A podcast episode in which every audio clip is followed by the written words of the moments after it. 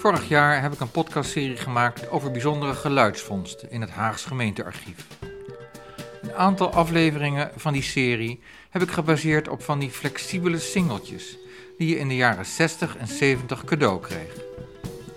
Vaak stond er op zo'n plaatje dan een leuk nummer met een reclametekst. Een aantal daarvan gaat over Haagse zaken, zoals over een Haagse dansschool. De heer kan elke dans vragen. De dame kan elke dans accepteren. En dat is geen wonder. Als u een volledige danscursus hebt gevolgd bij Dansinstituut Wim Lier. De school voor beter dansonderwijs. Of over een Haagse wethouder die herkozen wil worden.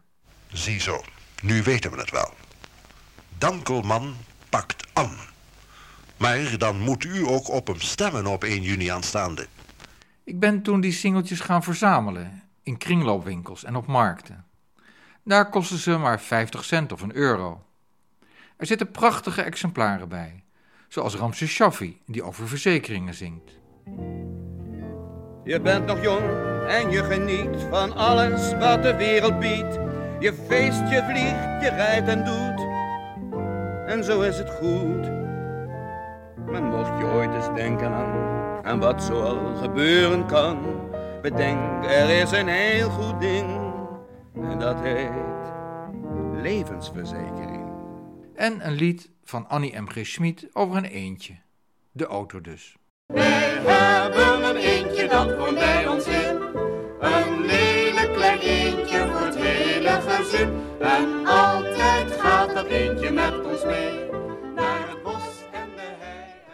Dansen, dat is iets dat je doet als je jong bent.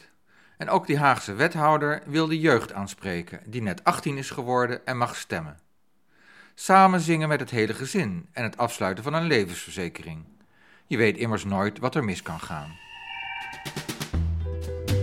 Met weinig inspanning kun je deze thema's herkennen in deze serie over de koloniale oorlog, waarin de jeugd van eind jaren 40 naar Indië wordt gestuurd om daar de orde te handhaven.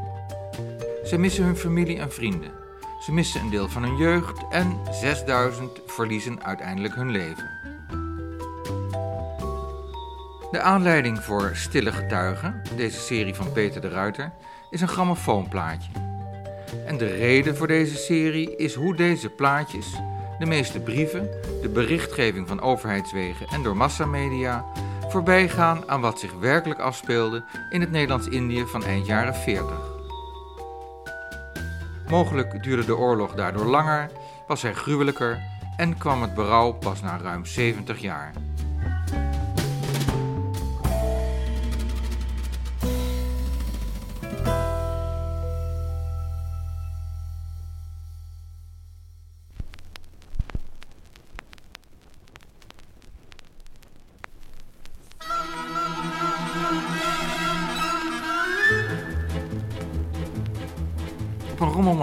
Hilsum, dat vlakbij Wageningen ligt, sla ik in de zomer van 2022 weer mijn slag. Ik logeer daar in de buurt in een vakantiehuis. Op die rommelmarkt, naast een kerkje op een heuvel, weet ik een stuk of tien plaatjes te bemachtigen. Terug in het vakantiehuis bestudeer ik mijn buit. Er zit een reclameplaatje bij van Ford Bestelwagens met een adresetiket gericht aan de firma Rozenboom. Kabeljauw 17 te Hilsum. Een geluid van Ford, dat is duidelijk te horen. Een Ford D-truck, daarom klinkt het geluid u zo betrouwbaar in de oren. Dat plaatje van Ford is niet zo bijzonder. Maar er zit nog iets in dat hoesje. Een kleiner geel grammofoonplaatje in een ouderwetse bruine envelop, deels gescheurd en in handschrift geadresseerd aan dienstplichtig soldaat H.C. Rozenboom. Legernummer 25 12 29 169. Veldpostkantoor Leeuwinnegracht, Batavia. Met tussen haakjes Indonesië. Op het label staat 21 december 1948. Dat is vast de datum waarop het plaatje is opgenomen. Ik wist wat het was. Niet een promotieplaatje met een commerciële boodschap, maar een familieplaatje van persoonlijke aard. Met misschien ook wel een stukje stemmige samenzang. Zo'n plaatje kon je met wat gezinsleden zelf opnemen om te sturen naar de zoon of vader die deelnam aan wat toen nog heette de politionele acties in Indonesië. Dat was de strijd die Nederland voerde tegen het streven naar onafhankelijkheid van wat toen nog heette Nederlands-Indië. De afzender was het comité Ver van huis, maar toch thuis. Kastanjelaan 22 te Hilsum.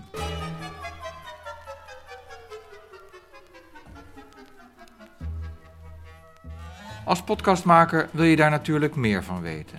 Dus ik spring weer op een fiets. Terug naar de rommelmarkt. Waar de handelswaar inmiddels weer wordt ingepakt. Maar waar ik gelukkig net iemand tref die alles weet over Hilsum. Haar inwoners en waar ze wonen. Klazien Middelbos. Ik, eh, ik ben hier eh, op vakantie met mijn Ja, schoonfamilie. ja, ja, ja. En ik dacht, hé, hey, snuffelmarkt. Dus ik ga hier vanochtend naartoe. En dan koop ik een plaatje. Een plaatje bij die mevrouw. En dan maak ik het plaatje thuis open. En dan zit dat erin. En dan zit dit erin. En zegt dat u wat? Ja, dat is Hemmy. Hemmy Rozenboom. Hemmy Rozenboom is naar Indië geweest met ehm, Oosten van de Vechten, volgens mij. En met, eh want die is van die generatie van Oosten. En dit is een... Hey, maar, maar u dan ken- zal ik je nog wat vertellen. Ja, maar u kent dit soort plaatjes. Ik ken dit plaatje niet, maar ik weet wel dit. Ver van huis en toch thuis, comité. En dat was een Heelsums comité. En die organiseerden hier in Heelsum allerlei activiteiten. Die gaven een krantje uit en dat stuurden ze naar hun Heelsumse soldaten die in Indië zaten. Ja, Maar de persoon die, aan wie het gericht is, Ja. dat is, wie zegt u? En volgens mij is het Hemmy Rozenboom. En is die er nog, Hemmy? Nee, Hemmy is overleden en ik snap ook waarom dit nou tevoorschijn gekomen is. Tony, zijn vrouw, die was een aantal jaren jonger en die is in november overleden.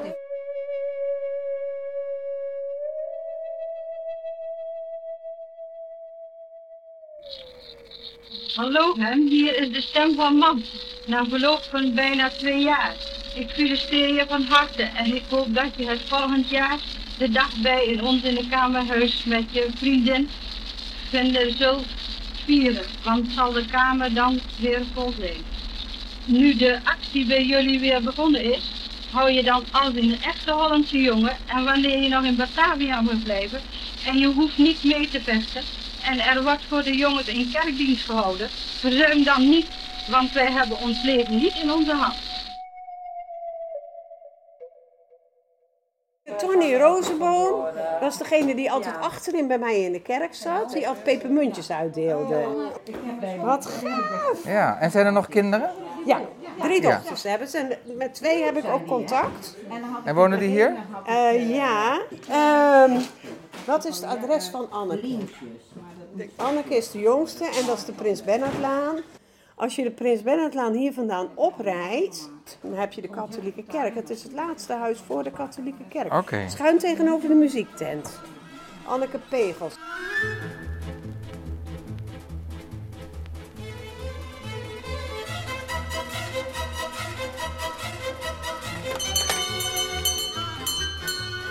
Ik bel aan bij Anneke Pegels, de dochter van Hemmy Rozenboom, voor wie dit plaatje bestemd is. Ik was op de snuffelmarkt. Ja? Ik kom zelf uit Den Haag. Ik ben in het Nivonhuis. En ik hou van snuffelmarkten en ik kocht dit. Ja. Want ik hou van die reclameplaatjes. Oké. Maar er zat nog iets anders in. Oh ja? Wilt u dat eruit halen? Dat is goed. Oh jee. Nou, Oh, dat is van toen die naar Indonesië is geweest. En dit is dan een singeltje of zo. Een dat zijn de stemmen van zijn ouders. Echt waar? Ja, Wat bijzonder. ja. Mijn moeder die is overleden in december, dus we hebben heel veel opgeruimd. En we hebben allemaal LP's en eh, singeltjes wat zij allemaal nog had, allemaal naar de rommelmarkt gebracht van de kerk. En daar heeft deze waarschijnlijk tussen gezeten. Maar was dat de bedoeling ook dat hij ertussen zat? Nou, het was zoveel spullen, echt de zolder tot de kelder, hebben ze al die jaren alles bewaard. Dus we hebben wel alles door onze handen laten gaan, maar ja, er is denk ik wel wat eh, tussendoor geglipt. Nou ja, dit zat ook natuurlijk in een Ja. ander hoesje. Hè? Ja, van de Ford, dus daar hebben wij gewoon niet in gekeken. Maar hier staan dus de stemmen van uw grootouders. Oh, wat grappig. Op. En eh, de zus van mijn vader leeft nog, die is 96. En die komt morgen Oh ja? bij ons. Dat is natuurlijk een gouden kans om de zus van de bestemmeling te kunnen spreken. Ik laat mezelf uitnodigen voor de koffie op zondag. En dan fiets ik door naar het Oranje Nassauoord. Het rusthuis waar Oosten, dat is zijn voornaam, van de Vecht woont. Je hoorde zijn naam eerder vallen. Ook hij zat in Indië en Hemmy Rosenboom en hij kenden elkaar.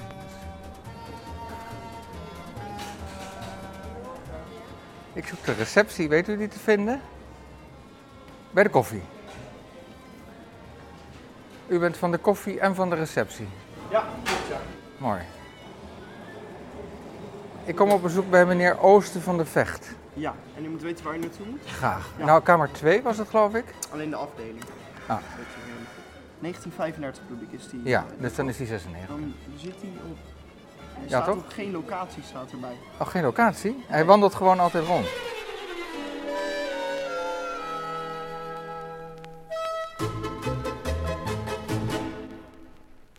Nou, we zijn, we zijn er achter nu. Ja, ja, ja. Puntbos heet het. Puntbos. Puntbos? Ja, als u daar zo uit die deur gaat. Ja. Zit gewoon op de paal, zit een knop en dan gaat de deur open. Ja.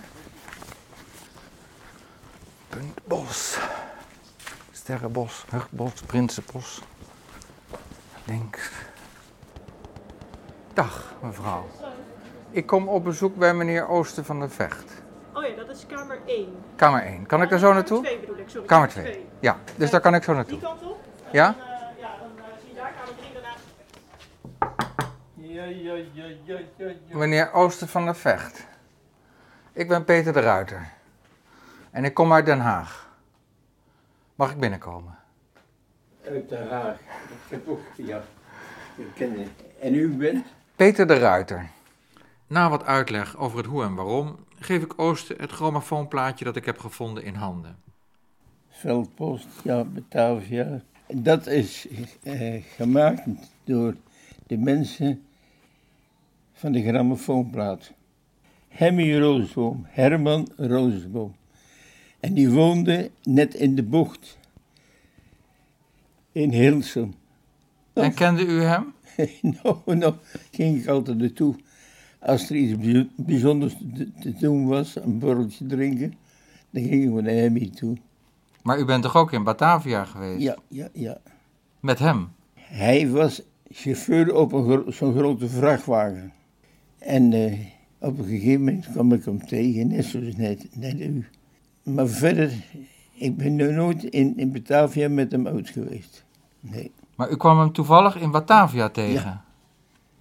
U wist niet van elkaar dat u allebei Nee, daar naartoe nee, ging? Nee, nee, nee. Wat weet u nog van hem? Ik, nou, ja, wat zou ik zeggen? Ik weet alles van hem. Ja? Een, een vrolijke knaap was het. Hij had een malderij. En de, de reed hij veel met zijn eigen grote vrachtwagen. Want zijn vader zei, toen hij uit Indië kwam, jong, aan de gang.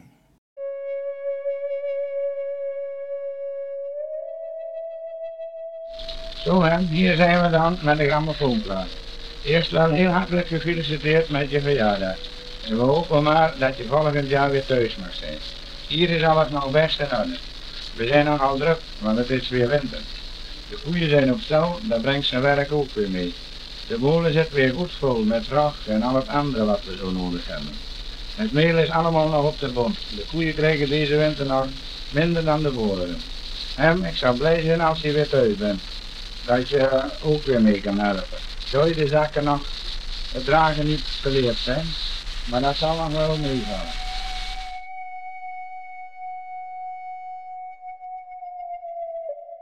Je kreeg gewoon zo'n brief, net als die daar. En, en een brief van de regering. En dan gingen we naar Indië. En dat was een uitgemaakte zaak. Daar kon je niet onderuit. Nee, da- daar, daar had je ook geen aardigheid in. Want je vond dat meteen ook mooier. hè. Zo jong, 18, 19 jaar. Om dan in dienst te zijn. En daar te komen en daar te zijn. Hallo, hallo, alle soldaten in de tropen groeten zo Jean-Paul, Jean-Paul. Dat is de groet die het het beste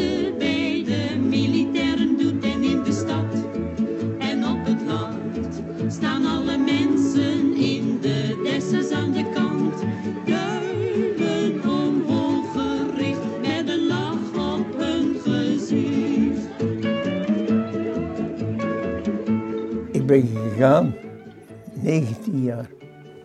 Ik heb een hele mooie tijd in Indië gehad. Maar het nare was natuurlijk dat je je eigen kameraad, die werd dan doodgeschoten door eigen vuur. Eigen vuur? Eigen vuur, ja. Af, aflossen van de wacht. En dat was een vriend van me en die werkte bij mijn vader. De vader van Oosten had een zagerij. Maar ja, zo zijn de 2000 jongens die zijn gesneuveld daar. Wij hadden een peloton, dat was carriers. Dat zijn panzerwagens. We hadden 13 van die wagens. En daar reden we dus ook regelmatig mee.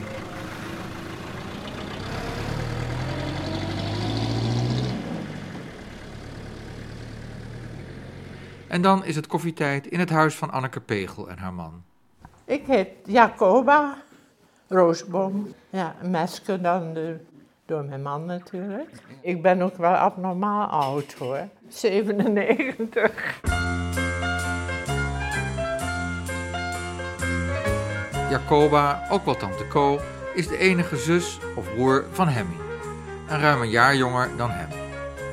Hemmy was dus 23 toen dat plaatje is gemaakt. En zoals je hebt kunnen horen, was hij toen al zo'n twee jaar in Indonesië. Hoe was het volgens Jacoba voor haar broer om in Indonesië te zijn? Die heeft wel eens gezegd, het was een van de mooiste tijden van mijn leven. Maar hij heeft natuurlijk niet aan het front gezeten. Dat scheelt natuurlijk wel, hè. Ja, hij moest vanuit Tanjung Priok naar Batavia. Kwamen de boten dan in Tanjung Priok aan en die moesten hij, zij allemaal leeghalen en dan, dat was voor militairen. En hoe vond de familie het dat Hemmy naar Indonesië moest gaan? Ja, ja, het was wel even, gewoon, ja, het was nou eenmaal zo. Hè, dat is nou eenmaal zo. Mijn moeder vond het natuurlijk wel erg. En ik weet nog een keer dat hij op zijn verjaardag, en toen kwam er ook nog een kennis. En toen zaten ze te huilen dat hij zo ver weg was. En dat hij, nou je weet net hoe dat gaat. En toen later hoorden we, nou ik heb een lol gehad, ik had een hart- hartstikke leuke verjaardag. De vader van Hemmy had een korenmolen en een kleine boerderij. Die bleek op een zeker moment tijdens de Tweede Wereldoorlog in het schootsveld te liggen. De familie is toen geëvacueerd en heeft na de oorlog het gehavende pand weer hersteld. Ook de bedrijfsactiviteiten zijn weer hervat. Het is eigenlijk zo gek, hij was de enige zoon. Wij waren natuurlijk in 45, alles was weg. En, de zaak ook van papa. En die hebben ze weer opgebouwd. En toen moest hij in 47 naar Indië. Terwijl hij enig zoon was. En papa, nou die was natuurlijk nog wel niet oud. Maar dat ze dan toch geen, geen toestanden hadden om die jongens thuis te laten. Geen dispensatie? Nee, dat hebben ze wel gevraagd, maar nee, hij moest naar Indië. Maar hij heeft het goed gehad. Hij heeft nooit zoveel verteld hoor, maar wel. En weet je, hij kwam in april thuis. en ik ben in, in juni getrouwd. Dus toen ben ik weggegaan. Daar heeft u op gewacht.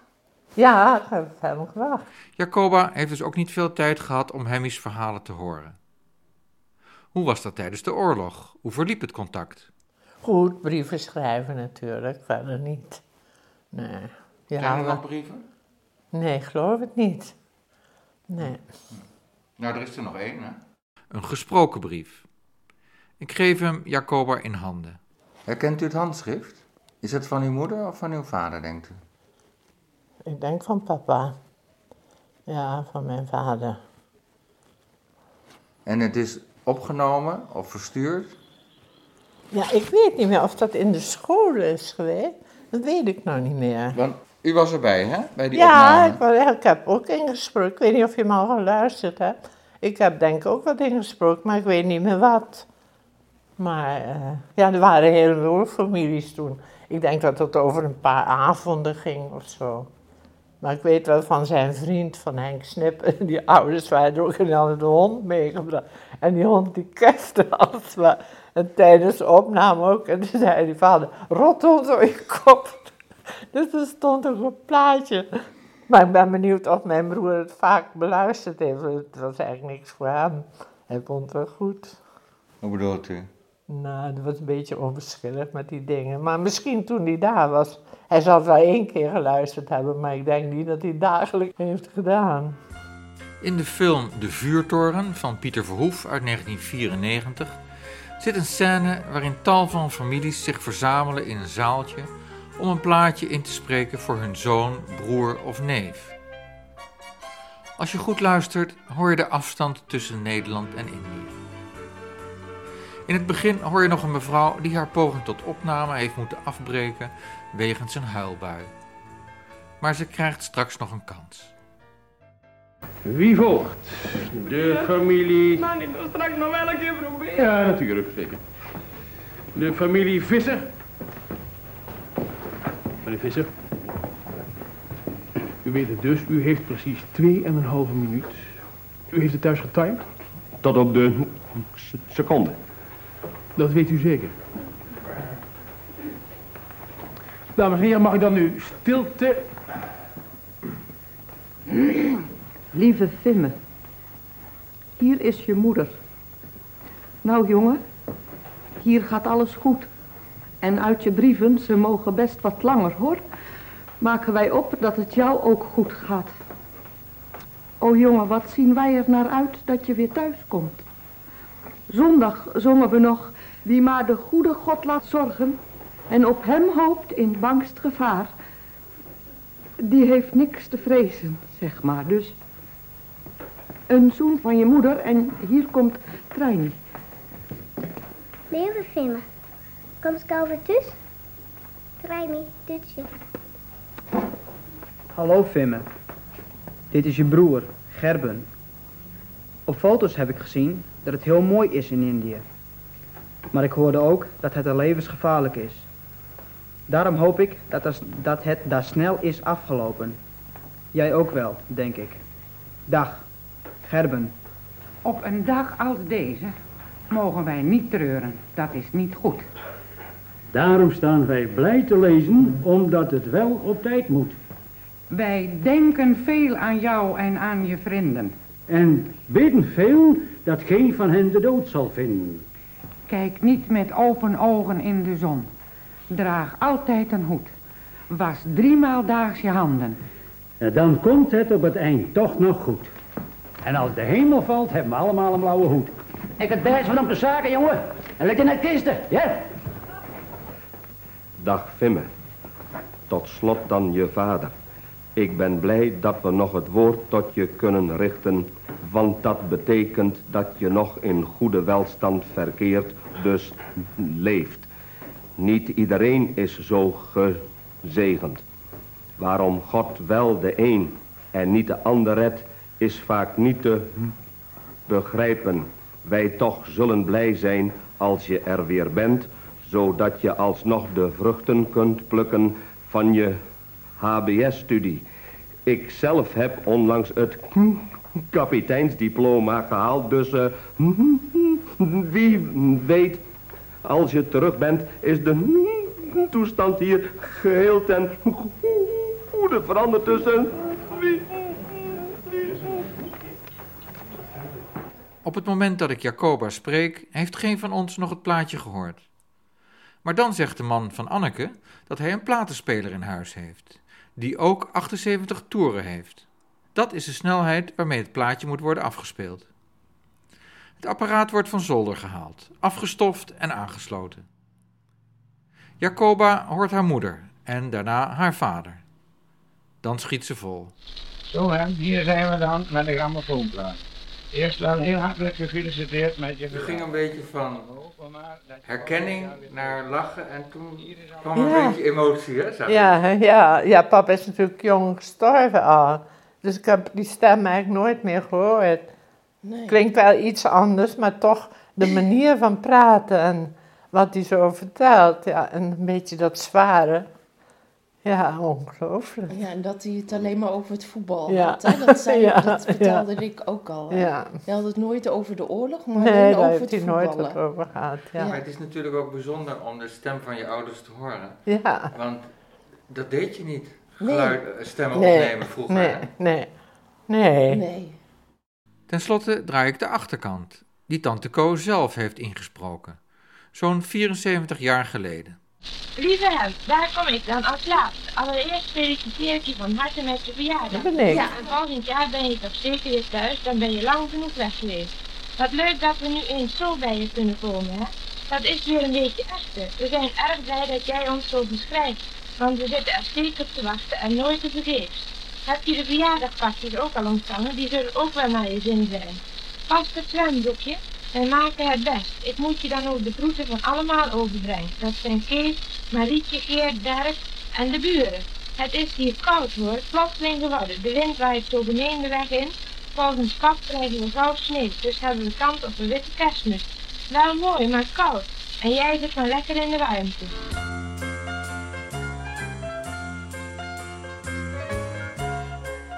Aan het einde van mijn bezoek aan Hilsum fiets ik met Anneke en haar man Hans naar het ouderlijk huis aan Kabeljauw 17. Nu de vrouw van Hemmy overleden is, staat het leeg en is het te koop. Hier lag dat plaatje ergens onbespied in een kast. Via de snuffelmarkt kwamen de herinneringen aan Indië weer naar boven. Waar trouwens ook de vader van Hans heeft gediend. En wist jouw vader nog veel te vertellen over Ja, mijn vader die vertelde heel veel. Mijn schoonvader die had het een beetje afgesloten. Die vertelde eigenlijk de, de- de leuke dingen die hij meegemaakt had. Maar zeg maar de minder leuke dingen, die eh, geen behoefte aan om dat eh, nog te bespreken. Die waren er wel geweest. Tuurlijk, ja. ja. Hij, de- hij, reed, hij reed op de vrachtwagen daar. Ja? Ja. dus hij zat niet in de gevechten. Nee. En jouw vader? Die deed bruggen bouwen. Ja. Beliebruggen? Ja, Beliebruggen. En die heeft ja. er wel veel over verteld. Ja, maar goed, we, wij kwamen ook uit een familie waarbij, de, waarbij mijn oom, die, die, was, eh, die, die zat in het leger en die hebben ook daar gezeten. Dus dat was altijd, eh, zeker als je klein was, waren dat allemaal van die heerlijke verhalen. Die vertelden ze. Maar ook gewoon over de oorlog, want dit was natuurlijk net na de oorlog weer. Nou ja, dat vertelde ik ook tegen Anneke. Dat, dat je vader en ook jouw vader hadden net een oorlog meegemaakt. Ja. En dan gaan ze nog eens een Ja. keer een andere oorlog Ja, ja. opzoeken.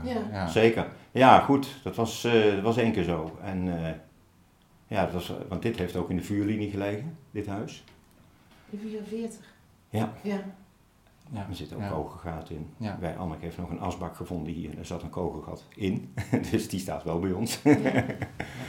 ja. Ja. Dus zo, eh, Ja. zo hebben we er best wel veel van En, meegekregen. en kreeg jouw vader ook veel brieven, weet je dat? Eh, weet ik niet. Weet ik niet. En ik weet ook niet of het bewaard is gebleven. Ik, eh, wel, eh, ja, uniform, petten, helm, dat heeft hij wel lang gehad. Maar ik, ik- volgens mij heeft hij dat ook op een gegeven moment weggedaan. Dus ja, op een gegeven moment sluiten die mensen het ook een keer af natuurlijk. Je moet het ook een keer afsluiten, zo'n oorlog, is denk ik de strekking van Hans' woorden. Wat overblijft zijn de leuke verhalen. Zoals Jacoba die vertelt over haar oorlog. Daar waren in de 40 granaten ingekomen in het huis. Toen wij thuis kwamen, stond koolzaad zo hoog te bloeien op zolder. Want Papa had daar koolzaad. Ja, iets, ja, zoals koolzaad bloeit, dat gele. En, en eh, bruine bonen, die waren ook allemaal uitgelopen door al het vocht natuurlijk. Ja, de eerste dag is al die, een kogel door het huis. En die ging door de asbak die op tafel stond. Zie je, van, je kunt zien... En dat is deze asbak. Ja, dat is deze asbak. Die is hier ingegaan en daar weer eruit. We zaten even buiten en toen kwam een van de eerste granaten. En toen bukten we allemaal. En toen eh, heb ik een scherfje over mijn bil gehad. En dat bloedde niet zo erg, want ik had dikke billen, dus dat was vet. Toen moesten we naar het eh Rode Kruis, dat was toen in Hotel Schoonoord in eh, Hilsum was het toen nog. En toen zei hij, ja, u mag niet meer terug daar. Dus toen zijn we naar Renkum gegaan, naar een broer van mijn vader. Maar gekke, dat, dat is, ik had dikke billen, dus het was niet zo erg. Maar nu ik hier woonde in Bennekom, toen had ik zo last van Isias, er zijn foto's gemaakt. en toen zei die dokter, eh, kan het zijn dat u een granaatscherf in uw bil hebt? Ik zei, nee, dat kan niet, want die is er overheen gegaan. Nou, hij zegt, ik kan bewijzen, hier zit hij. Ik heb nog de foto, de negatief ervan, zo'n kleintje. Een scherfje met allemaal van die, die kleine eh, scherpe randjes erop. Dus ze hebben dat helemaal verkeerd, ze dachten eroverheen, maar hij is erin gegaan. Dan heb ik nog geluk gehad dat het niet in mijn buik is gekomen. En nu? Die zit er nog steeds. En eh, een jaar, vijf jaar geleden heb ik darmoperatie gehad. Daar hebben ze ook weer foto gemaakt. En die, die, die man die zei tegen mij, wat heeft u daar in uw bil zitten? Na zoveel jaren wist ik pas wat hij erin zat.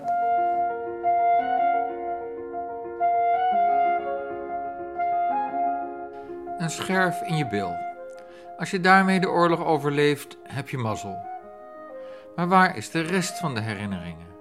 Herinneringen aan de Tweede Wereldoorlog. Maar nu voor deze productie vooral herinneringen aan de koloniale oorlog. Die zullen er ooit geweest zijn. Naast de vrolijke verhalen ook de moeilijke verhalen. Want we weten inmiddels dat er daar genoeg van zijn. Immers, begin 2022, dus meer dan 70 jaar later, is daar in drie rapporten uitgebreid verslag van gedaan. Staan die verhalen ook op die plaatjes? Waarschijnlijk niet, maar ik wil de plaatjes graag horen.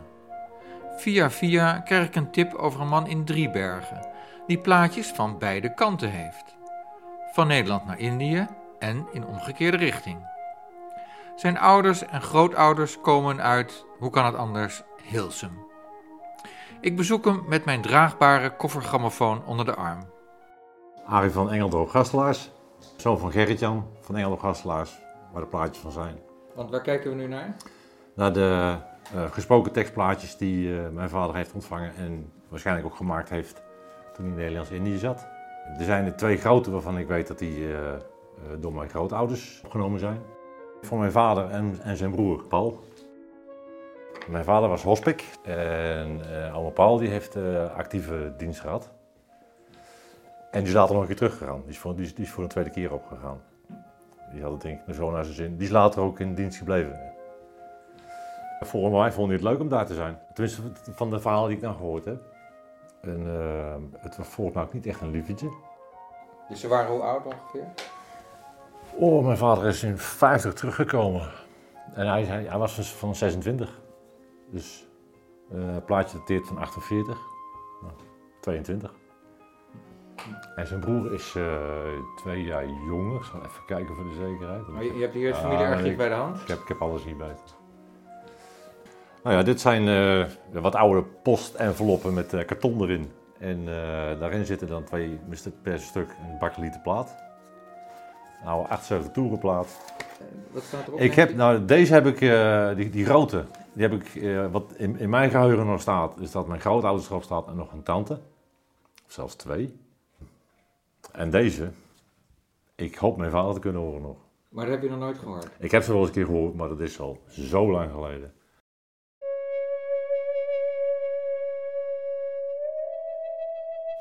Onze ouders zijn jaren, daarom komen wij, wensen en eenvoudig, dat God met hen zij.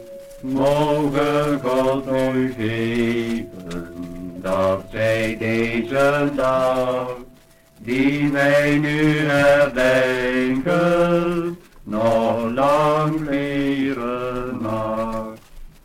Ja, lieve vader en moeder, hier zijn wij dan om onze gelukwensen uit te spreken.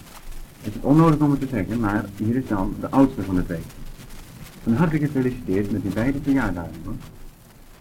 Maar eh, ik zal het even mee stoppen, want Paul staat trappelen van overdood om ook even met u te praten. Nou, dat kan natuurlijk. Kom aan, Paul. Zo, hier ben ik dan. Ja, ja. Kunt u aan mijn stem horen? Ook voor mij, vader en moeder, van harte gefeliciteerd hoor. En ook mijn wens is dat God u nog vele jaren zal sparen. Ja, van de week hebben we uw plaatje nog eens gedraaid. En ze waren reuze hoor. Het is een mazzel dat we nu een weekje bij elkaar kunnen zijn. En dus meteen een mooie gelegenheid om een plaatje voor u te maken. Hè. Ook jullie, lief Brand, uh, Gerda en Ari en vrouw Flip ook niet te vergeten. Van harte gefeliciteerd met vader en moeders verjaardag. En ik hoop dat jullie er nog een leuke en gezellige dag van zullen maken. Hoe gaat het anders thuis? Naar aanleiding van de brieven die we regelmatig ontvangen. Nog best hè? Nu met, met ons ook hoor. Alles is nog in de riepen.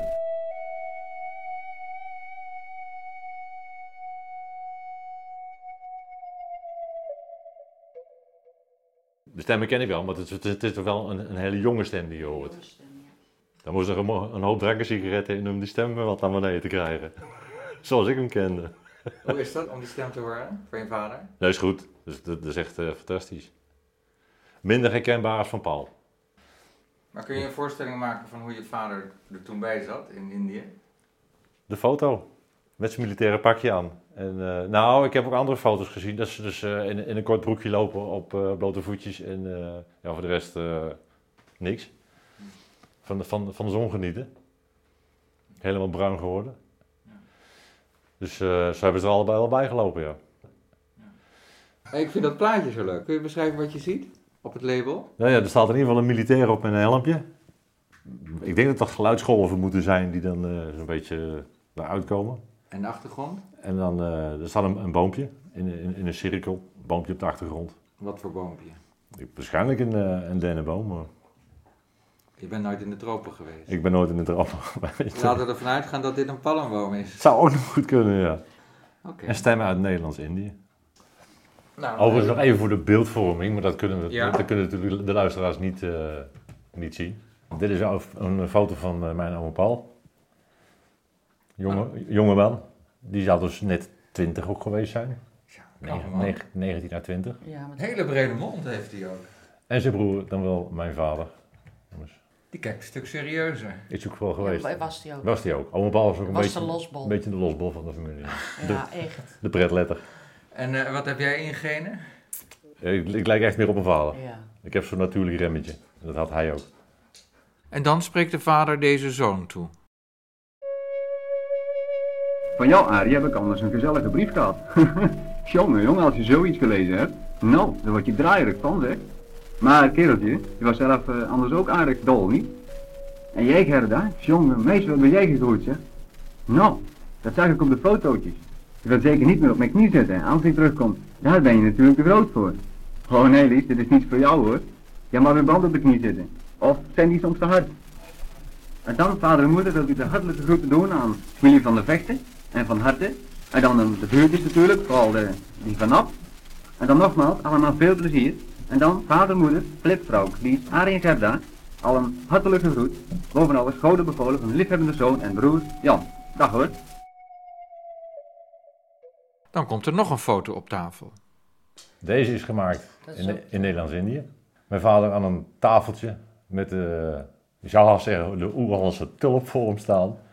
Eh, daar schrijft hij een brief naar zijn ouders, waarvan hij ook een foto daarbij staan van zijn ouders. Met de tekst de, op de foto de handmatig erbij geschreven, alles zal recht komen. Een tijdje na het gesprek stuurt Arie mij nog een heel bijzondere foto. Van zijn vader in Indonesië, die poseert naast een koffergrammofoon waarop een plaatje uit Holland draait. Kom op Jan, flink zijn. Pluk de dag en maak er het beste van. Hier is alles wel. Blijf de dagsluiting houden. Je brieven blijven opgewekt. Binnen enkele dagen verzenden wij een pakje. Met een en ander wat je gebruiken kunt. Wees gegroet en goden bevolen van je liefhebbende vader. Doe jij moeder. Hij begint met mijn grootvader, dan krijg je mijn grootmoeder. Suzie, dat had je niet gedacht, hè? Nee, ik ook niet. Nee. Dat zijn je foto's leuk geworden. Vooral de laatste kun je goed zien dat je doet. Ik vond, vond dat je mager bent, jongen. Maar ben je alweer een tijd weg. Maar die tijd gaat vlug. Je foto staat steeds bij mij in de buurt. En je stoel staat al bij de haard. Daar gedenk je steeds aan onze weg. En dat doe je ook, Jan. Daar vertrouw ik op. En dan wordt er warempel een liedje gezongen.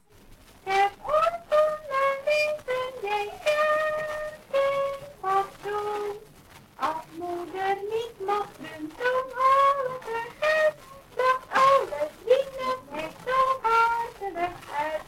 In plaats van de betere vrouwelijk voet, het open, mijn leven, jij kent geen fatsoen. Ja, de laatste die we hebben horen zingen was Gerda. Dat was de jongste van het, eh, van het verhaal. En welk liedje? Ja, het liedje ken ik niet.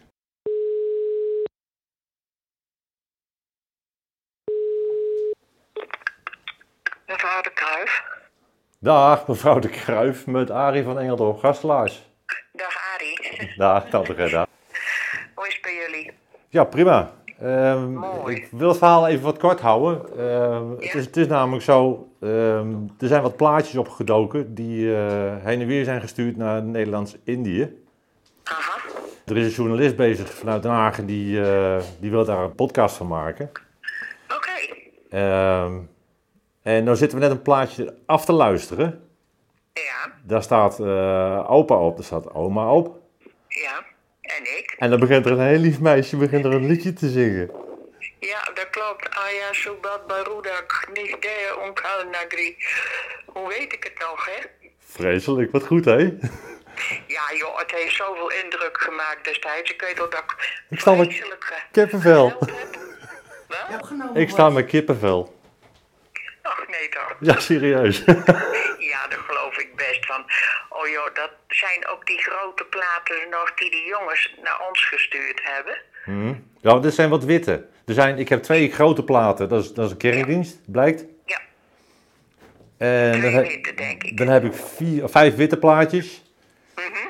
Met, eh, nou ja, de eerste dan, eh, waar dat hele lieve meisje op staat te zingen. Weet je hoe dat liedje heet? De, de naam van het liedje? Nou, het, het, het is in het Nederlands is het er gaat door alle landen.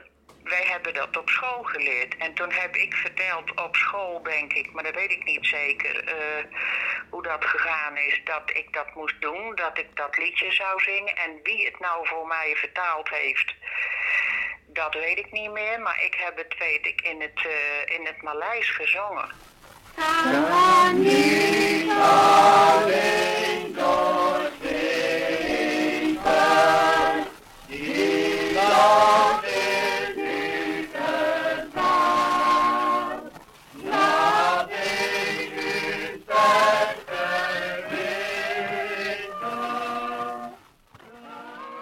Dat eh, mijn tante dat liedje eh, zomaar spontaan begon te zingen. Dat gaf mij, dat gaf me echt kippenvel. Zo, zo snel de reactie. Een mens van 82. Die je dan eh, eigenlijk overvalt met de vraag van... ken je dit nog? En op het moment dat je... Hier, gaat weer. en op het moment dat je, dan, dat je de vraag stelt dat ze dan spontaan het liedje gaat zingen. Hoe krijg je het verzonnen? Gerda heeft het liedje dus twee keer gezongen voor haar broers over zee. Eén keer alleen in het Nederlands en één keer met anderen in het Maleis. Zo klinkt het lied tegenwoordig.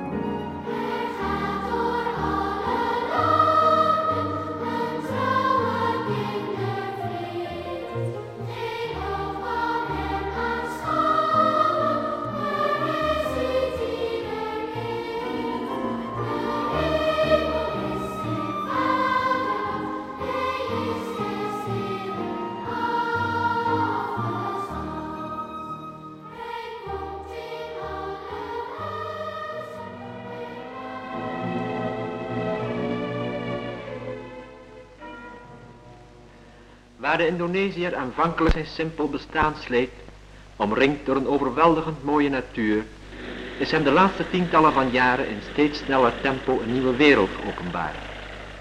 Een wereld die tot hem kwam uit het verre westen, uit Nederland. Na de onderbreking in een oorlog is dit contact hervat en op nieuwe basis wordt de samenwerking nu voortgezet. Met vliegtuig en schip komen de nieuwe werkers aan Nederlanders die het jonge land zullen bijstaan op de weg naar herstel en verdere opbouw. Dikwijls betekent dit het offer van scheiding van vrouw en kind. Blij is dan ook het weerzien als eindelijk het gezin kan volgen. Ook import en export herstellen zich en brengen de economie op gang. Je hoort het begin van de film Indonesië werkt weer uit 1946. De film is gemaakt in opdracht van de Nederlandse overheid en toont het herstel van het land na de Tweede Wereldoorlog. De kijker kan zien hoe industrie, nijverheid en landbouw na de Japanse bezetting weer op gang komen. Opvallend is het contrast tussen de Westerlingen die in beeld komen en de Indonesiërs. De eersten laten zich vervoeren door auto's, dragen fraaie kleding en dragen ook in het werk de verantwoordelijkheid. In de brede straten van Batavia heeft het verkeer zich hersteld en het is er drukker dan ooit. Tram en elektrische trein dragen weer bij in het personenvervoer door de uitgestrekte stad. De Indonesiërs lijken vele malen minder geciviliseerd en verrichtte vrijwel uitsluitend handwerk. Ook weer op zijn post staat de Indonesische verkeersagent. En het verkeer bedient hem op zijn wenken.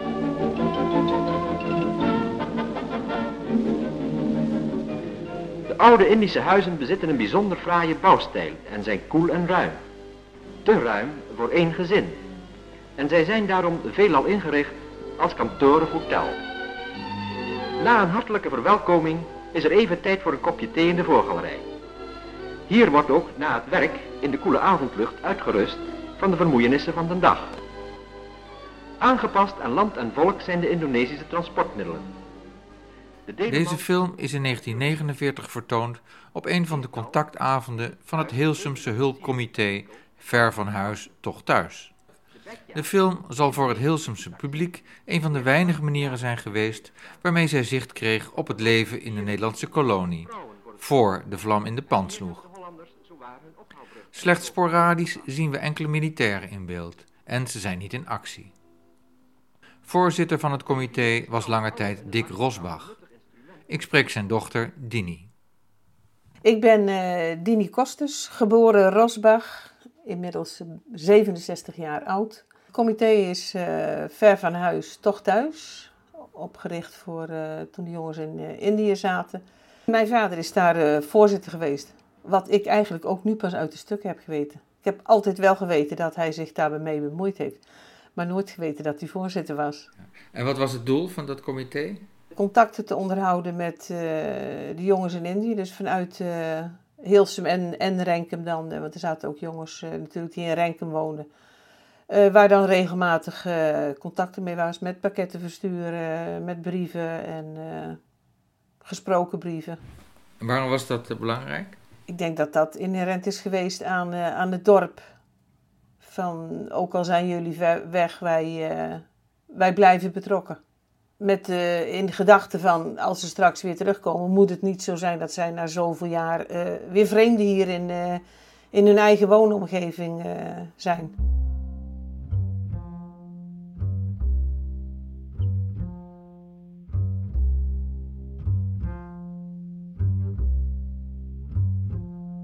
Ik denk dat het voor thuisgrond ook heel belangrijk was. kijk, nu, tegenwoordig heb je een mobieltje, dus je bent altijd met iedereen bij je bereikbaar. Dat was natuurlijk niet. En ik kan me voorstellen dat uh, als je uh, als ouders uh, in Renkum of in Hilsum bleef en jouw zoon ging naar Indië, dat dat niet echt een fijn gevoel was om dan ook heel lang nooit iets te zullen horen.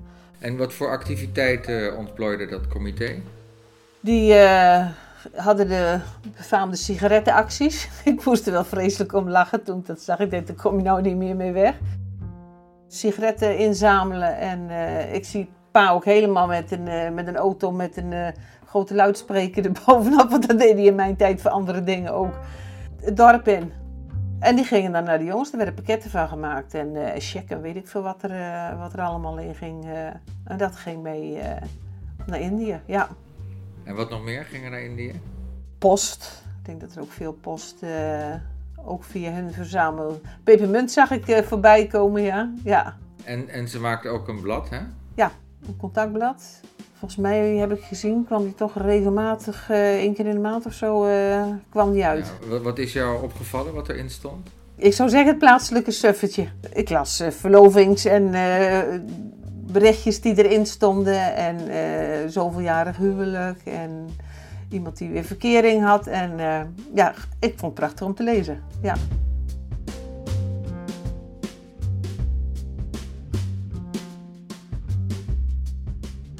Het contactblad van het comité Ver van Huis, toch thuis, lijkt op een veredelde personalia-rubriek. Opmerkelijk is dat het behalve geboorte, huwelijken en verhuizingen ook verkeringen publiceert. Zo leren we dat Paul Gastelaars, dat is dus de oom van Ari die je net hoorde en die dan nog niet naar Indië is, verkering heeft gekregen met een lief meisje uit Rotterdam. Ze vinden haar nog wel wat jong overigens. Verder bevat het contactblad voetbaluitslagen, diefstallen, aanrijdingen, het weerbericht, psalmen, mededelingen over Sinterklaas en kerstuitvoeringen, een grappig bedoelde column en informatie over de activiteiten van het comité. Wat ontbreekt is de oorlog. Er is één uitzondering.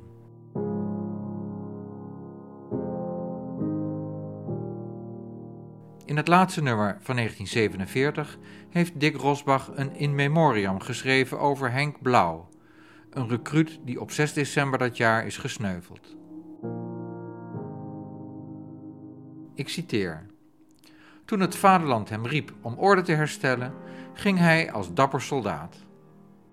Uit zijn brieven kwam telkens weer naar voren: wat God doet, is wel gedaan. En dan zal alles wel goed komen. Einde citaat.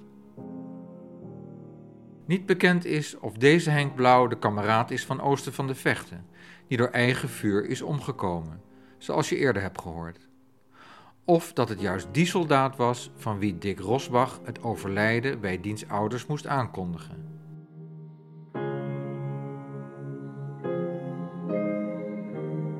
Hoe kwam dat zo? Uh, dat hij gebeld was omdat uh, de familie uh, van een van de jongens in Indië niet te bereiken was en die, die was gesneuveld. En ja, dat is pa's broekje van, nou wat zal toen geweest zijn, 425.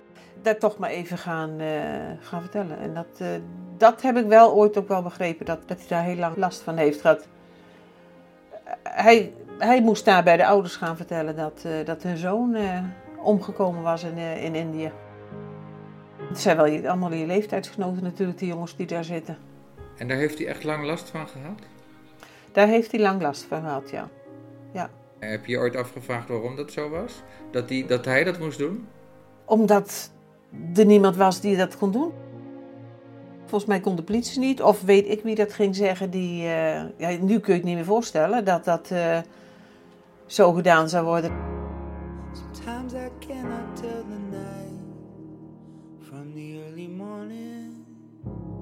Sometimes I'm thrown into the fight without a warning.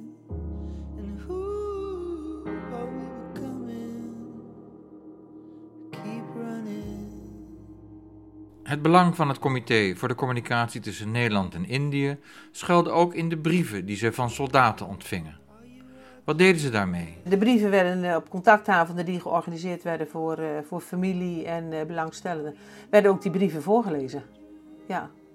Het was een soort Facebook, een Facebook maar, dan, maar dan in het echt. Dat er brieven zijn voorgelezen op bijeenkomsten van het comité staat in het contactblad. Maar van wie die brieven waren, staat er niet bij. In het Gelders archief, dat veel stukken bewaart van het comité, zitten ook enkele brieven gericht aan het comité. En je raadt misschien van wie die brieven zijn. Van Henk Blauw. In zijn brief aan het comité van 13 mei 1947 spreekt Henk Blauw de hoop uit wat meer brieven te ontvangen. Hij heeft er pas één gekregen, van een zekere meneer Teppema. Henk bevindt zich op dat moment op een post die aan drie kanten is omgeven door de vijand. Maar daar is hij niet bang voor. Die Indonesiërs hebben meestal toch alleen een klewang om mee te vechten. Dat is een soort zwaard, hoewel sommigen daar zeer in bedreven zijn. Meer angst heeft hij voor Japanners die meevechten met de Indonesiërs. Die hebben vuurwapens. Henk geeft een voorbeeld van een confrontatie. En toen riep de sergeant: Berhenti! Dat betekent stop. Maar zijn woorden waren nog niet koud of meteen openden ze het vuur en de sergeant viel zwaar gewond neer. Dat was onze eerste. Na de hand kwamen ze ook nog met een soldaat aandragen. Die had zijn hele arm open liggen.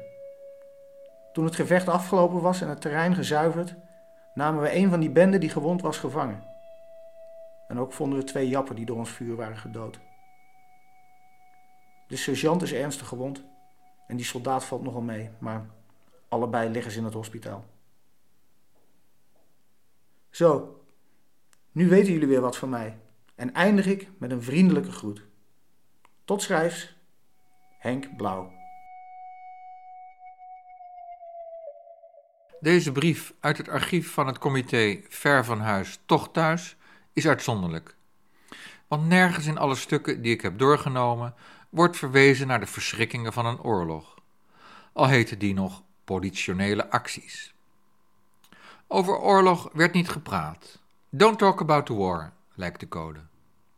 Intussen zaten zowel de familie als de soldaten in de rats. Gaan we dit overleven? Komt hij nog wel naar huis? Het lijkt alsof die comité's zich concentreerden op de goede werken die ze verrichten, om er niet na te hoeven denken over leven en dood. Of over de oorlog, die ze eigenlijk niet wilden, maar waar ze toch bij betrokken waren.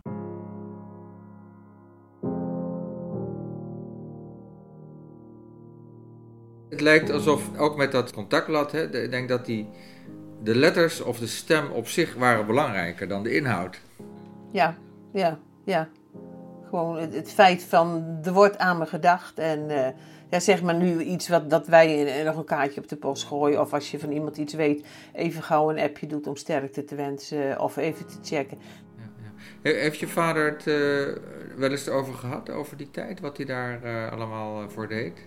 Eigenlijk nooit. Ik heb met mijn broer contact gehad eh, nadat wij contact hebben gehad. En eh, die zei achteraf ook, want ik realiseer me nu ook dat pa pas 23 was. Had hij niet in Indië moeten zitten? Hij was sowieso afgekeurd, want hij had een granaatscherf gehad ergens. Dus hij is niet. eh, Nee, hij was afgekeurd. Ja.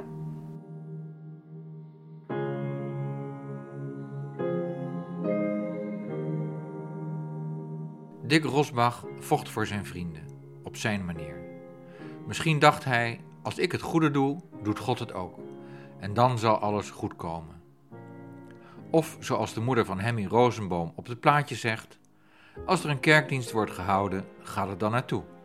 Want we hebben ons leven niet in onze hand.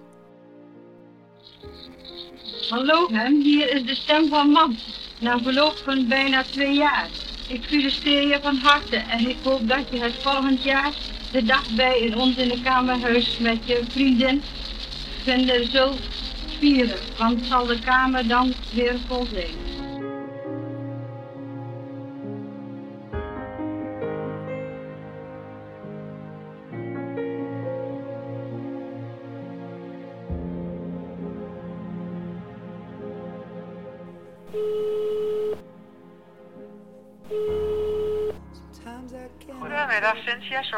Spreek met Hilde Albers.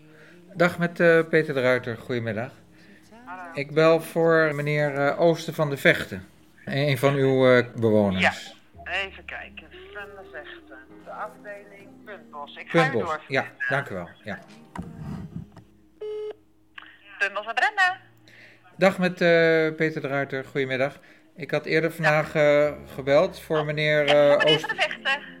Ja, Ja, ik zal even kijken of die wakker is. Even kijken. Ik heb telefoon voor u. Is dat goed? Oké, hier krijgt u hem hoor. Eén momentje. dank u. Ja, u spreekt met van de Vechten. Dag meneer Van de Vechten met Peter de Ruiter. Uit Den Haag. Misschien herinnert u nog dat ik bij u op bezoek was deze zomer. En we hebben Ja. toen gepraat over Indië. En toen heeft u onder meer gezegd eh, dat u daar een geweldige tijd heeft gehad. Ik tijdje gezeten, ja. Nee, maar goed. Maar u zei toen dat u daar een hele goede tijd had gehad. Maar dat er wel een kameraad van u was omgekomen. Ja, Weet u nog wie dat was? Henk Blauw. Dat was Henk Blauw. Ja, ja. Dat was een jongen. Dat was een vriend van me, die woonde bij ons op de weg. Die werkte bij mijn vader. ja. Die is met eigen vuur is die, eh, omgekomen. En dat was bij het afwisselen van de wacht. Ja, Eh, U had vorige keer die naam Henk Blauw niet genoemd, maar die kwam ik steeds weer tegen. En dan ben ik blij dat ik nu toch eh, zekerheid heb over die Henk Blauw. Eh, want die stond ook in het blaadje van eh, Ver van Huis toch thuis. Ik wens u en uw vrouw het allerbeste, Oosten. dank u wel. Oké. Tot ziens, hè?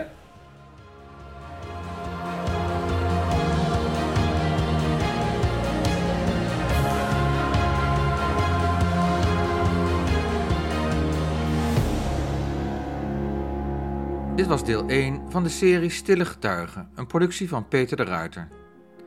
Luister in deel 2 naar Gert Oost-Indie. Tot voor kort directeur van het Koninklijk Instituut voor Taal, Land en Volkenkunde in Leiden. Hij en zijn team deden onderzoek naar de inhoud van brieven, dagboeken en andere zogeheten ego-documenten van militairen die gelegerd waren in Indië. Zijn bevindingen zijn verweven met de stem van Lisette Schoren. Zij publiceerde, na het overlijden van haar vader, in 2014 diens brieven en dagboek. Daar komt een geheel andere vader in naar voren dan die ze altijd heeft gekend. De vader van Lisette had 50 jaar gezwegen en zijn geschriften achter slot en grendel bewaard. Stille Getuigen is een productie van Peter de Ruiter, die ondersteund wordt door het Eva Tasfonds.